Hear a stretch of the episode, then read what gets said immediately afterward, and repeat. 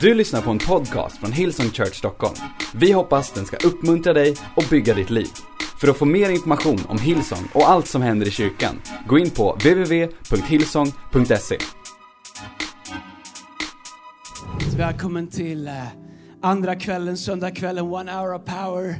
Eh, där vi låtsas att vi är i ett rum fullt av människor. Vi låtsas att vi är på Kinateatern en söndagkväll eller på Trädgården en söndagkväll eller i Örebro en söndagkväll eller varför inte eh, i en stor lokal i Jönköping en söndagkväll eh, någonstans eller kanske några år längre fram i någon av våra tio nya campusar som vi drömmer om att starta.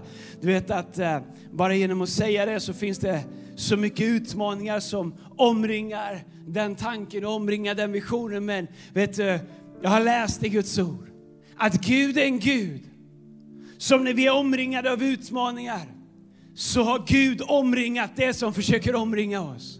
Det är bara att vi inte ser det. Vet, I livet så finns det så mycket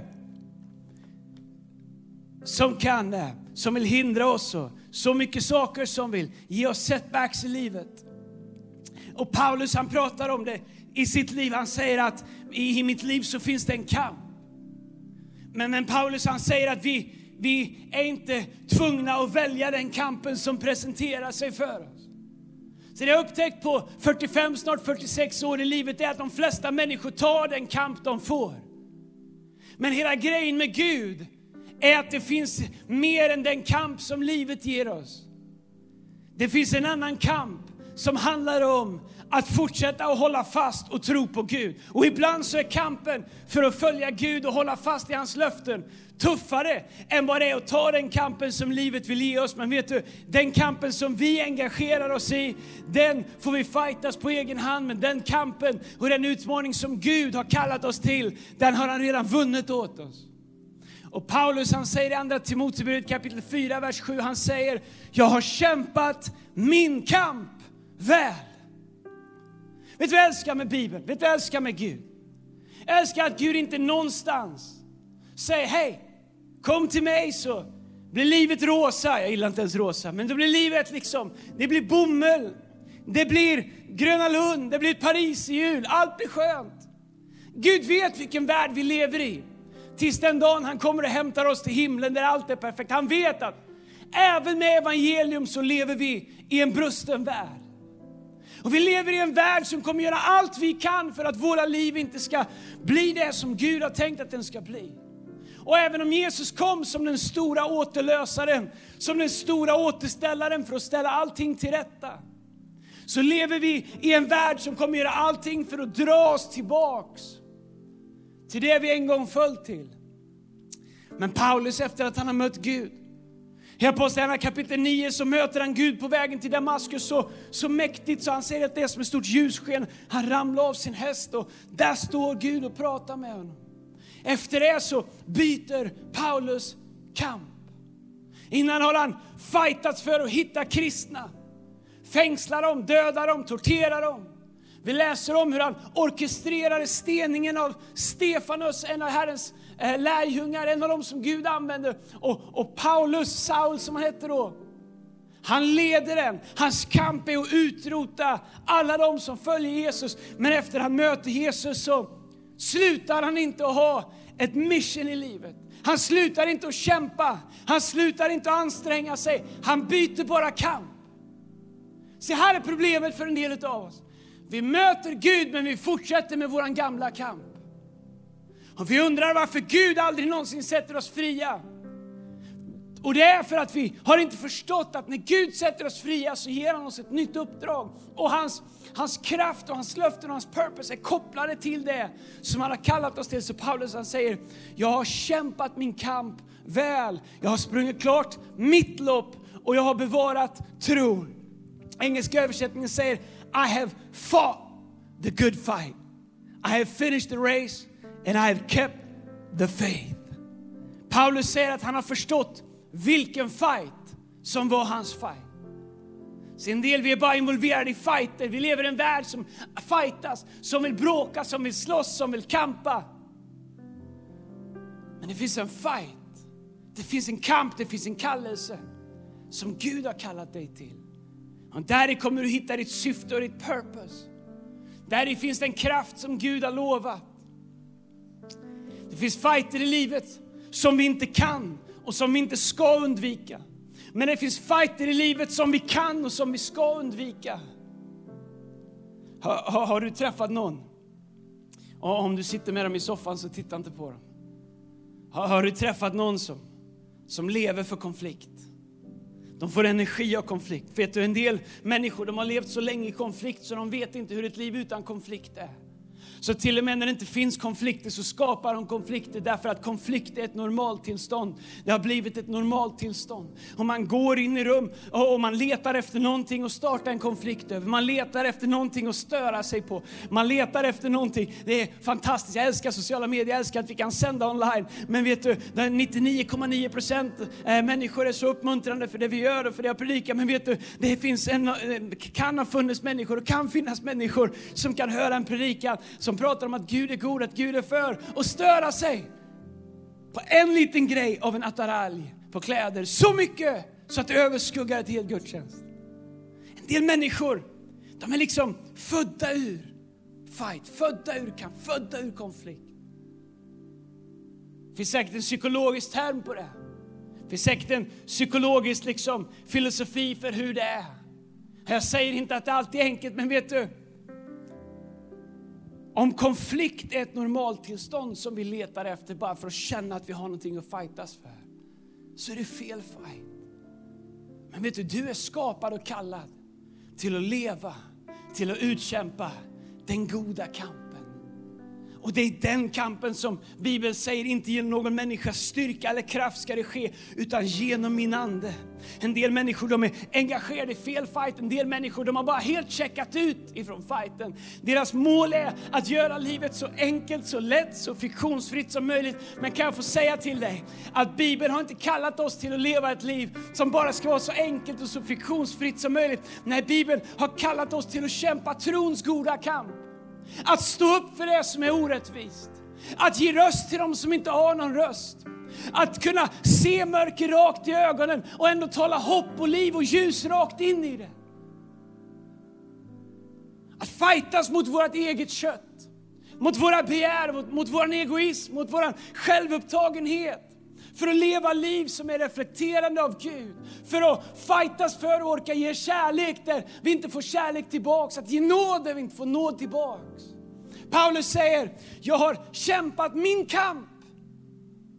Och när han står vid slutet av sitt liv så vet han vad hans uppdrag och vad hans kamp var. Han kallar det för trons kamp. Han säger att han har bevarat tron. Jag predikar om Jakob, det känns som jag har predikat om honom i flera veckor. Men jag har läst mycket om Jakob, Isaks son, Abrahams sonson. Det är intressant med Jakob, därför att han valde en fight mot Esau. Han lurade Esau, sin bror. Han valde en fight med Esau. Han vann fighten men han förlorade allting. Därför att det var fel fight. Han tog en fight med Esau om förstfödslorätten som var Esaus. Han, han, han lurade honom. Han tog en fight av mind games och han lurade Esau. Han vann fighten, men han drevs bort till ett liv i exil. Du förstår, ibland när vi tror att vi vinner så förlorar vi. Ibland när vi slåss med näbbar och klor för någonting som vi vill ha eller någonting som vi tror att vi måste ha, så kan vi vinna fighten men vi förlorar kriget. Många år senare så väljer Jakob en fight med Gud. Han förlorar fighten med Gud men han vinner allting. Hur kan man förlora fighten men ändå vinna? Därför att man var i rätt fight. Vi kan vara i fel fight och vinna den, men ändå förlora. Men du kan vara i rätt fight och förlora den, men ändå vinna. Det är Guds rikes paradox. När han kämpade mot Esau så kämpade han i egen kraft för att ta sig det som han ville ha. Men när han kämpade med Gud så brydde han sig inte om vad det kostade honom för att han hade funnit den fight som han var född till att fightas, nämligen för att få en relation med Gud. Bibeln har kallat oss till att kämpa mot köttet i, våran, i vårat liv kämpa för människors frälsning, för att kämpa för att följa Jesus helhjärtat även när det inte är enkelt. Och lyssna, Gud, han är också i en fight. Gud är en fight för oss. Och vi kan se i Daniels bok, jag hinner inte prata om det idag, när Daniel ber att Gud ska gripa in i en situation. Och han, får, han ber och han ber och han ber i tre veckor. Till slut så kommer Herrens ängel till honom och han säger, hej Daniel, jag vet att du har bett i 21 dagar. Gud skickade mig samma ögonblick som du, ba, som, som, du, som du bad. Men du förstår, försten över Persien, det osynliga, det onda, försökte stå mig emot. Det tog mig 21 dagar att fightas för att ta Guds mirakel till dig som du har bett. Gud är en konstant fight för oss. Och du kan säga Andreas, jag har bett men inget har hänt. Du har bett men du har inte sett det än. Men bara för att du inte har sett det så betyder det inte att Gud inte har startat det som han har sagt han ska göra. Men du förstår, vi måste committa oss till samma fight som Gud är. Gud är en Gud som fightas för dig. Om du idag känner att du sitter på en plats där du säger Andreas, jag har ingenting kvar i mig. Min vän, Gud är i din ringhörna. Som en boxare som är i sista ronden och som känner, jag kommer inte klara att stå, jag kommer bli knockad ut och kanske känner du att livet har knockat ut dig. Men vet du vad? Det finns en till i din ringhörna som säger, hej, gå och sätt dig, jag tar sista ronden, jag fightas för dig.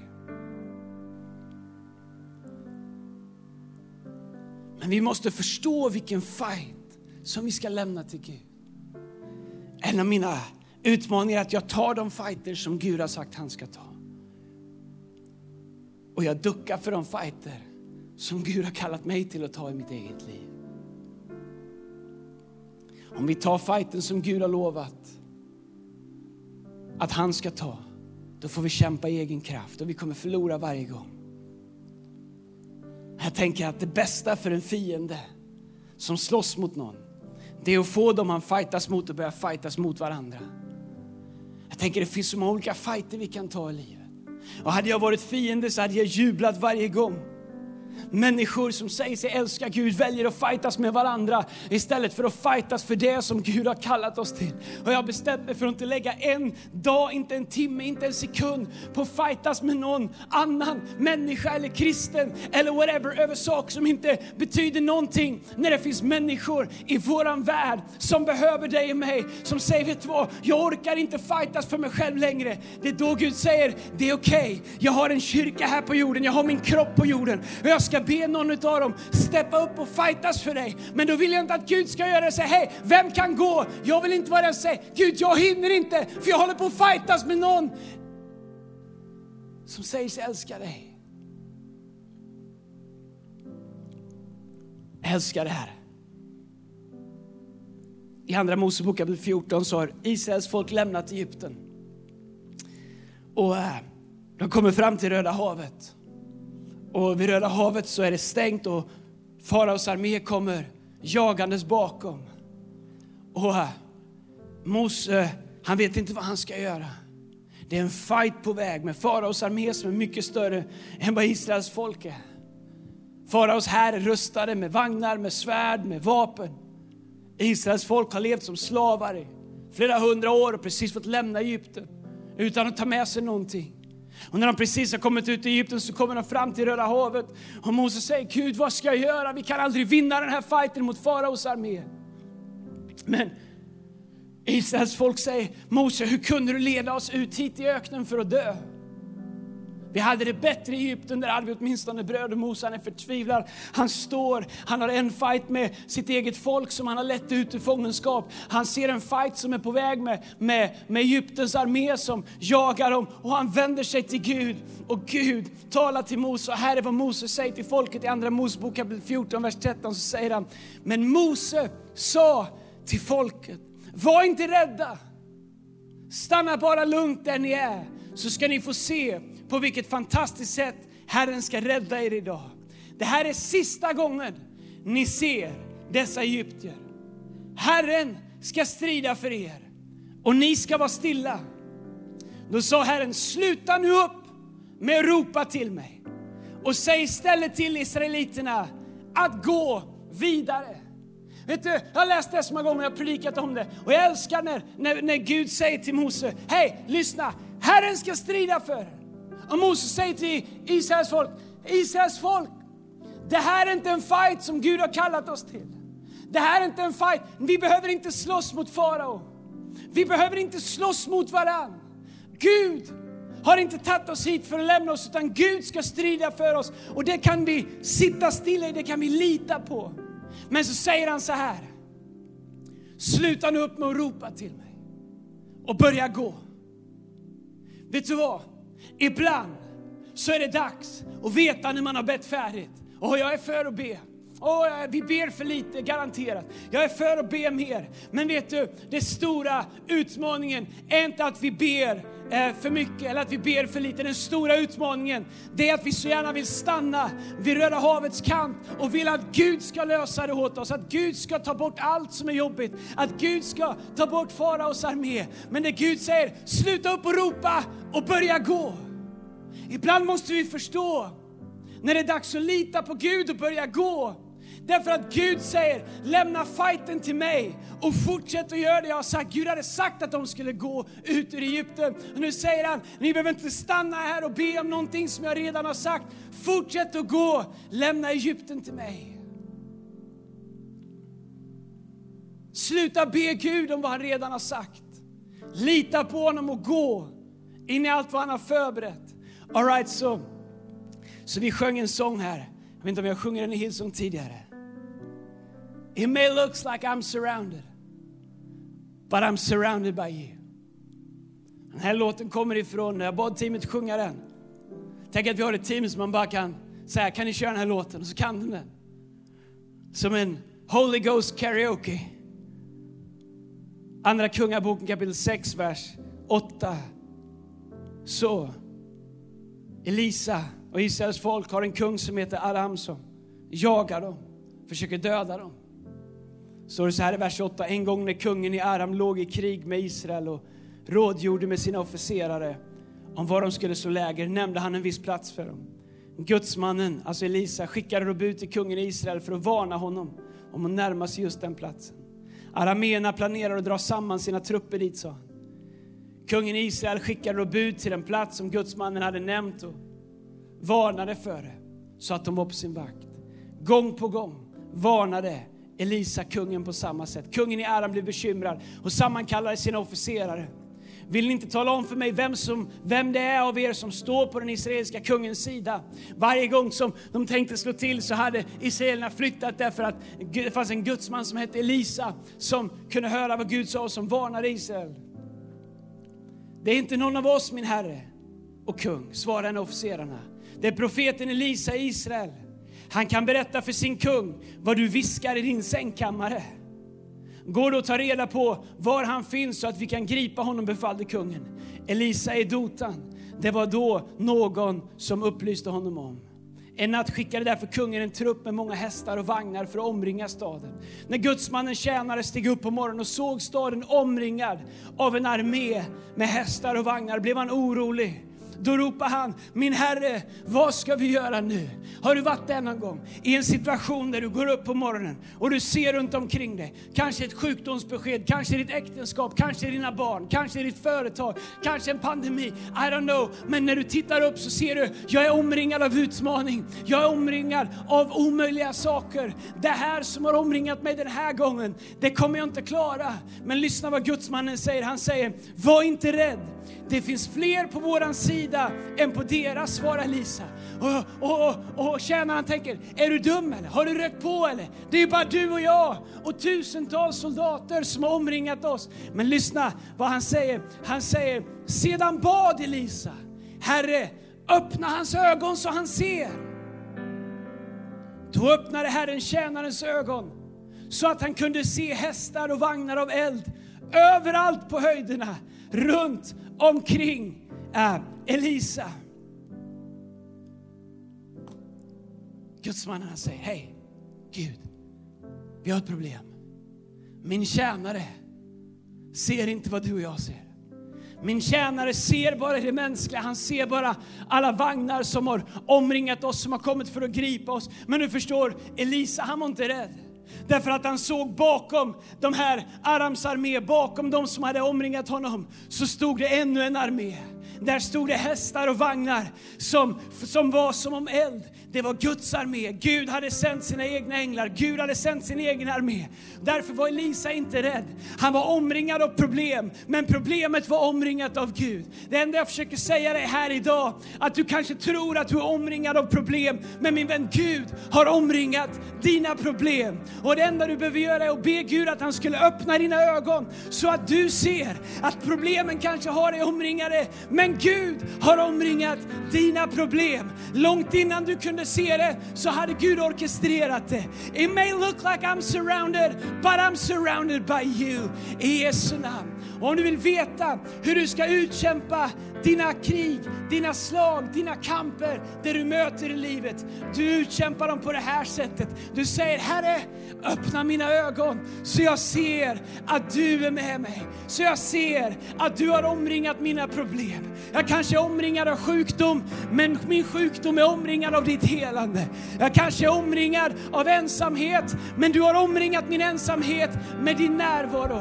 Jag kanske är omringad av mitt förflutna, men du har omringat mitt förflutna med din förlåtelse. Hey, jag vet inte vem det här är för ikväll i Jesu namn. Men om du behöver det här, om du behöver påminna dig själv om att den kamp som du behöver för att vinna redan är vunnen. Och allt du behöver göra är att lyfta upp din blick i Jesu namn för att se det kanske ser ut som att du är omringad, men dina problem är omringade av Gud. Come on, Emil, look! Du har lyssnat till en podcast från Hillsong Church Stockholm. Om du vill veta mer om vår kyrka eller om våra söndagsmöten, surfa in på www.hillsong.se.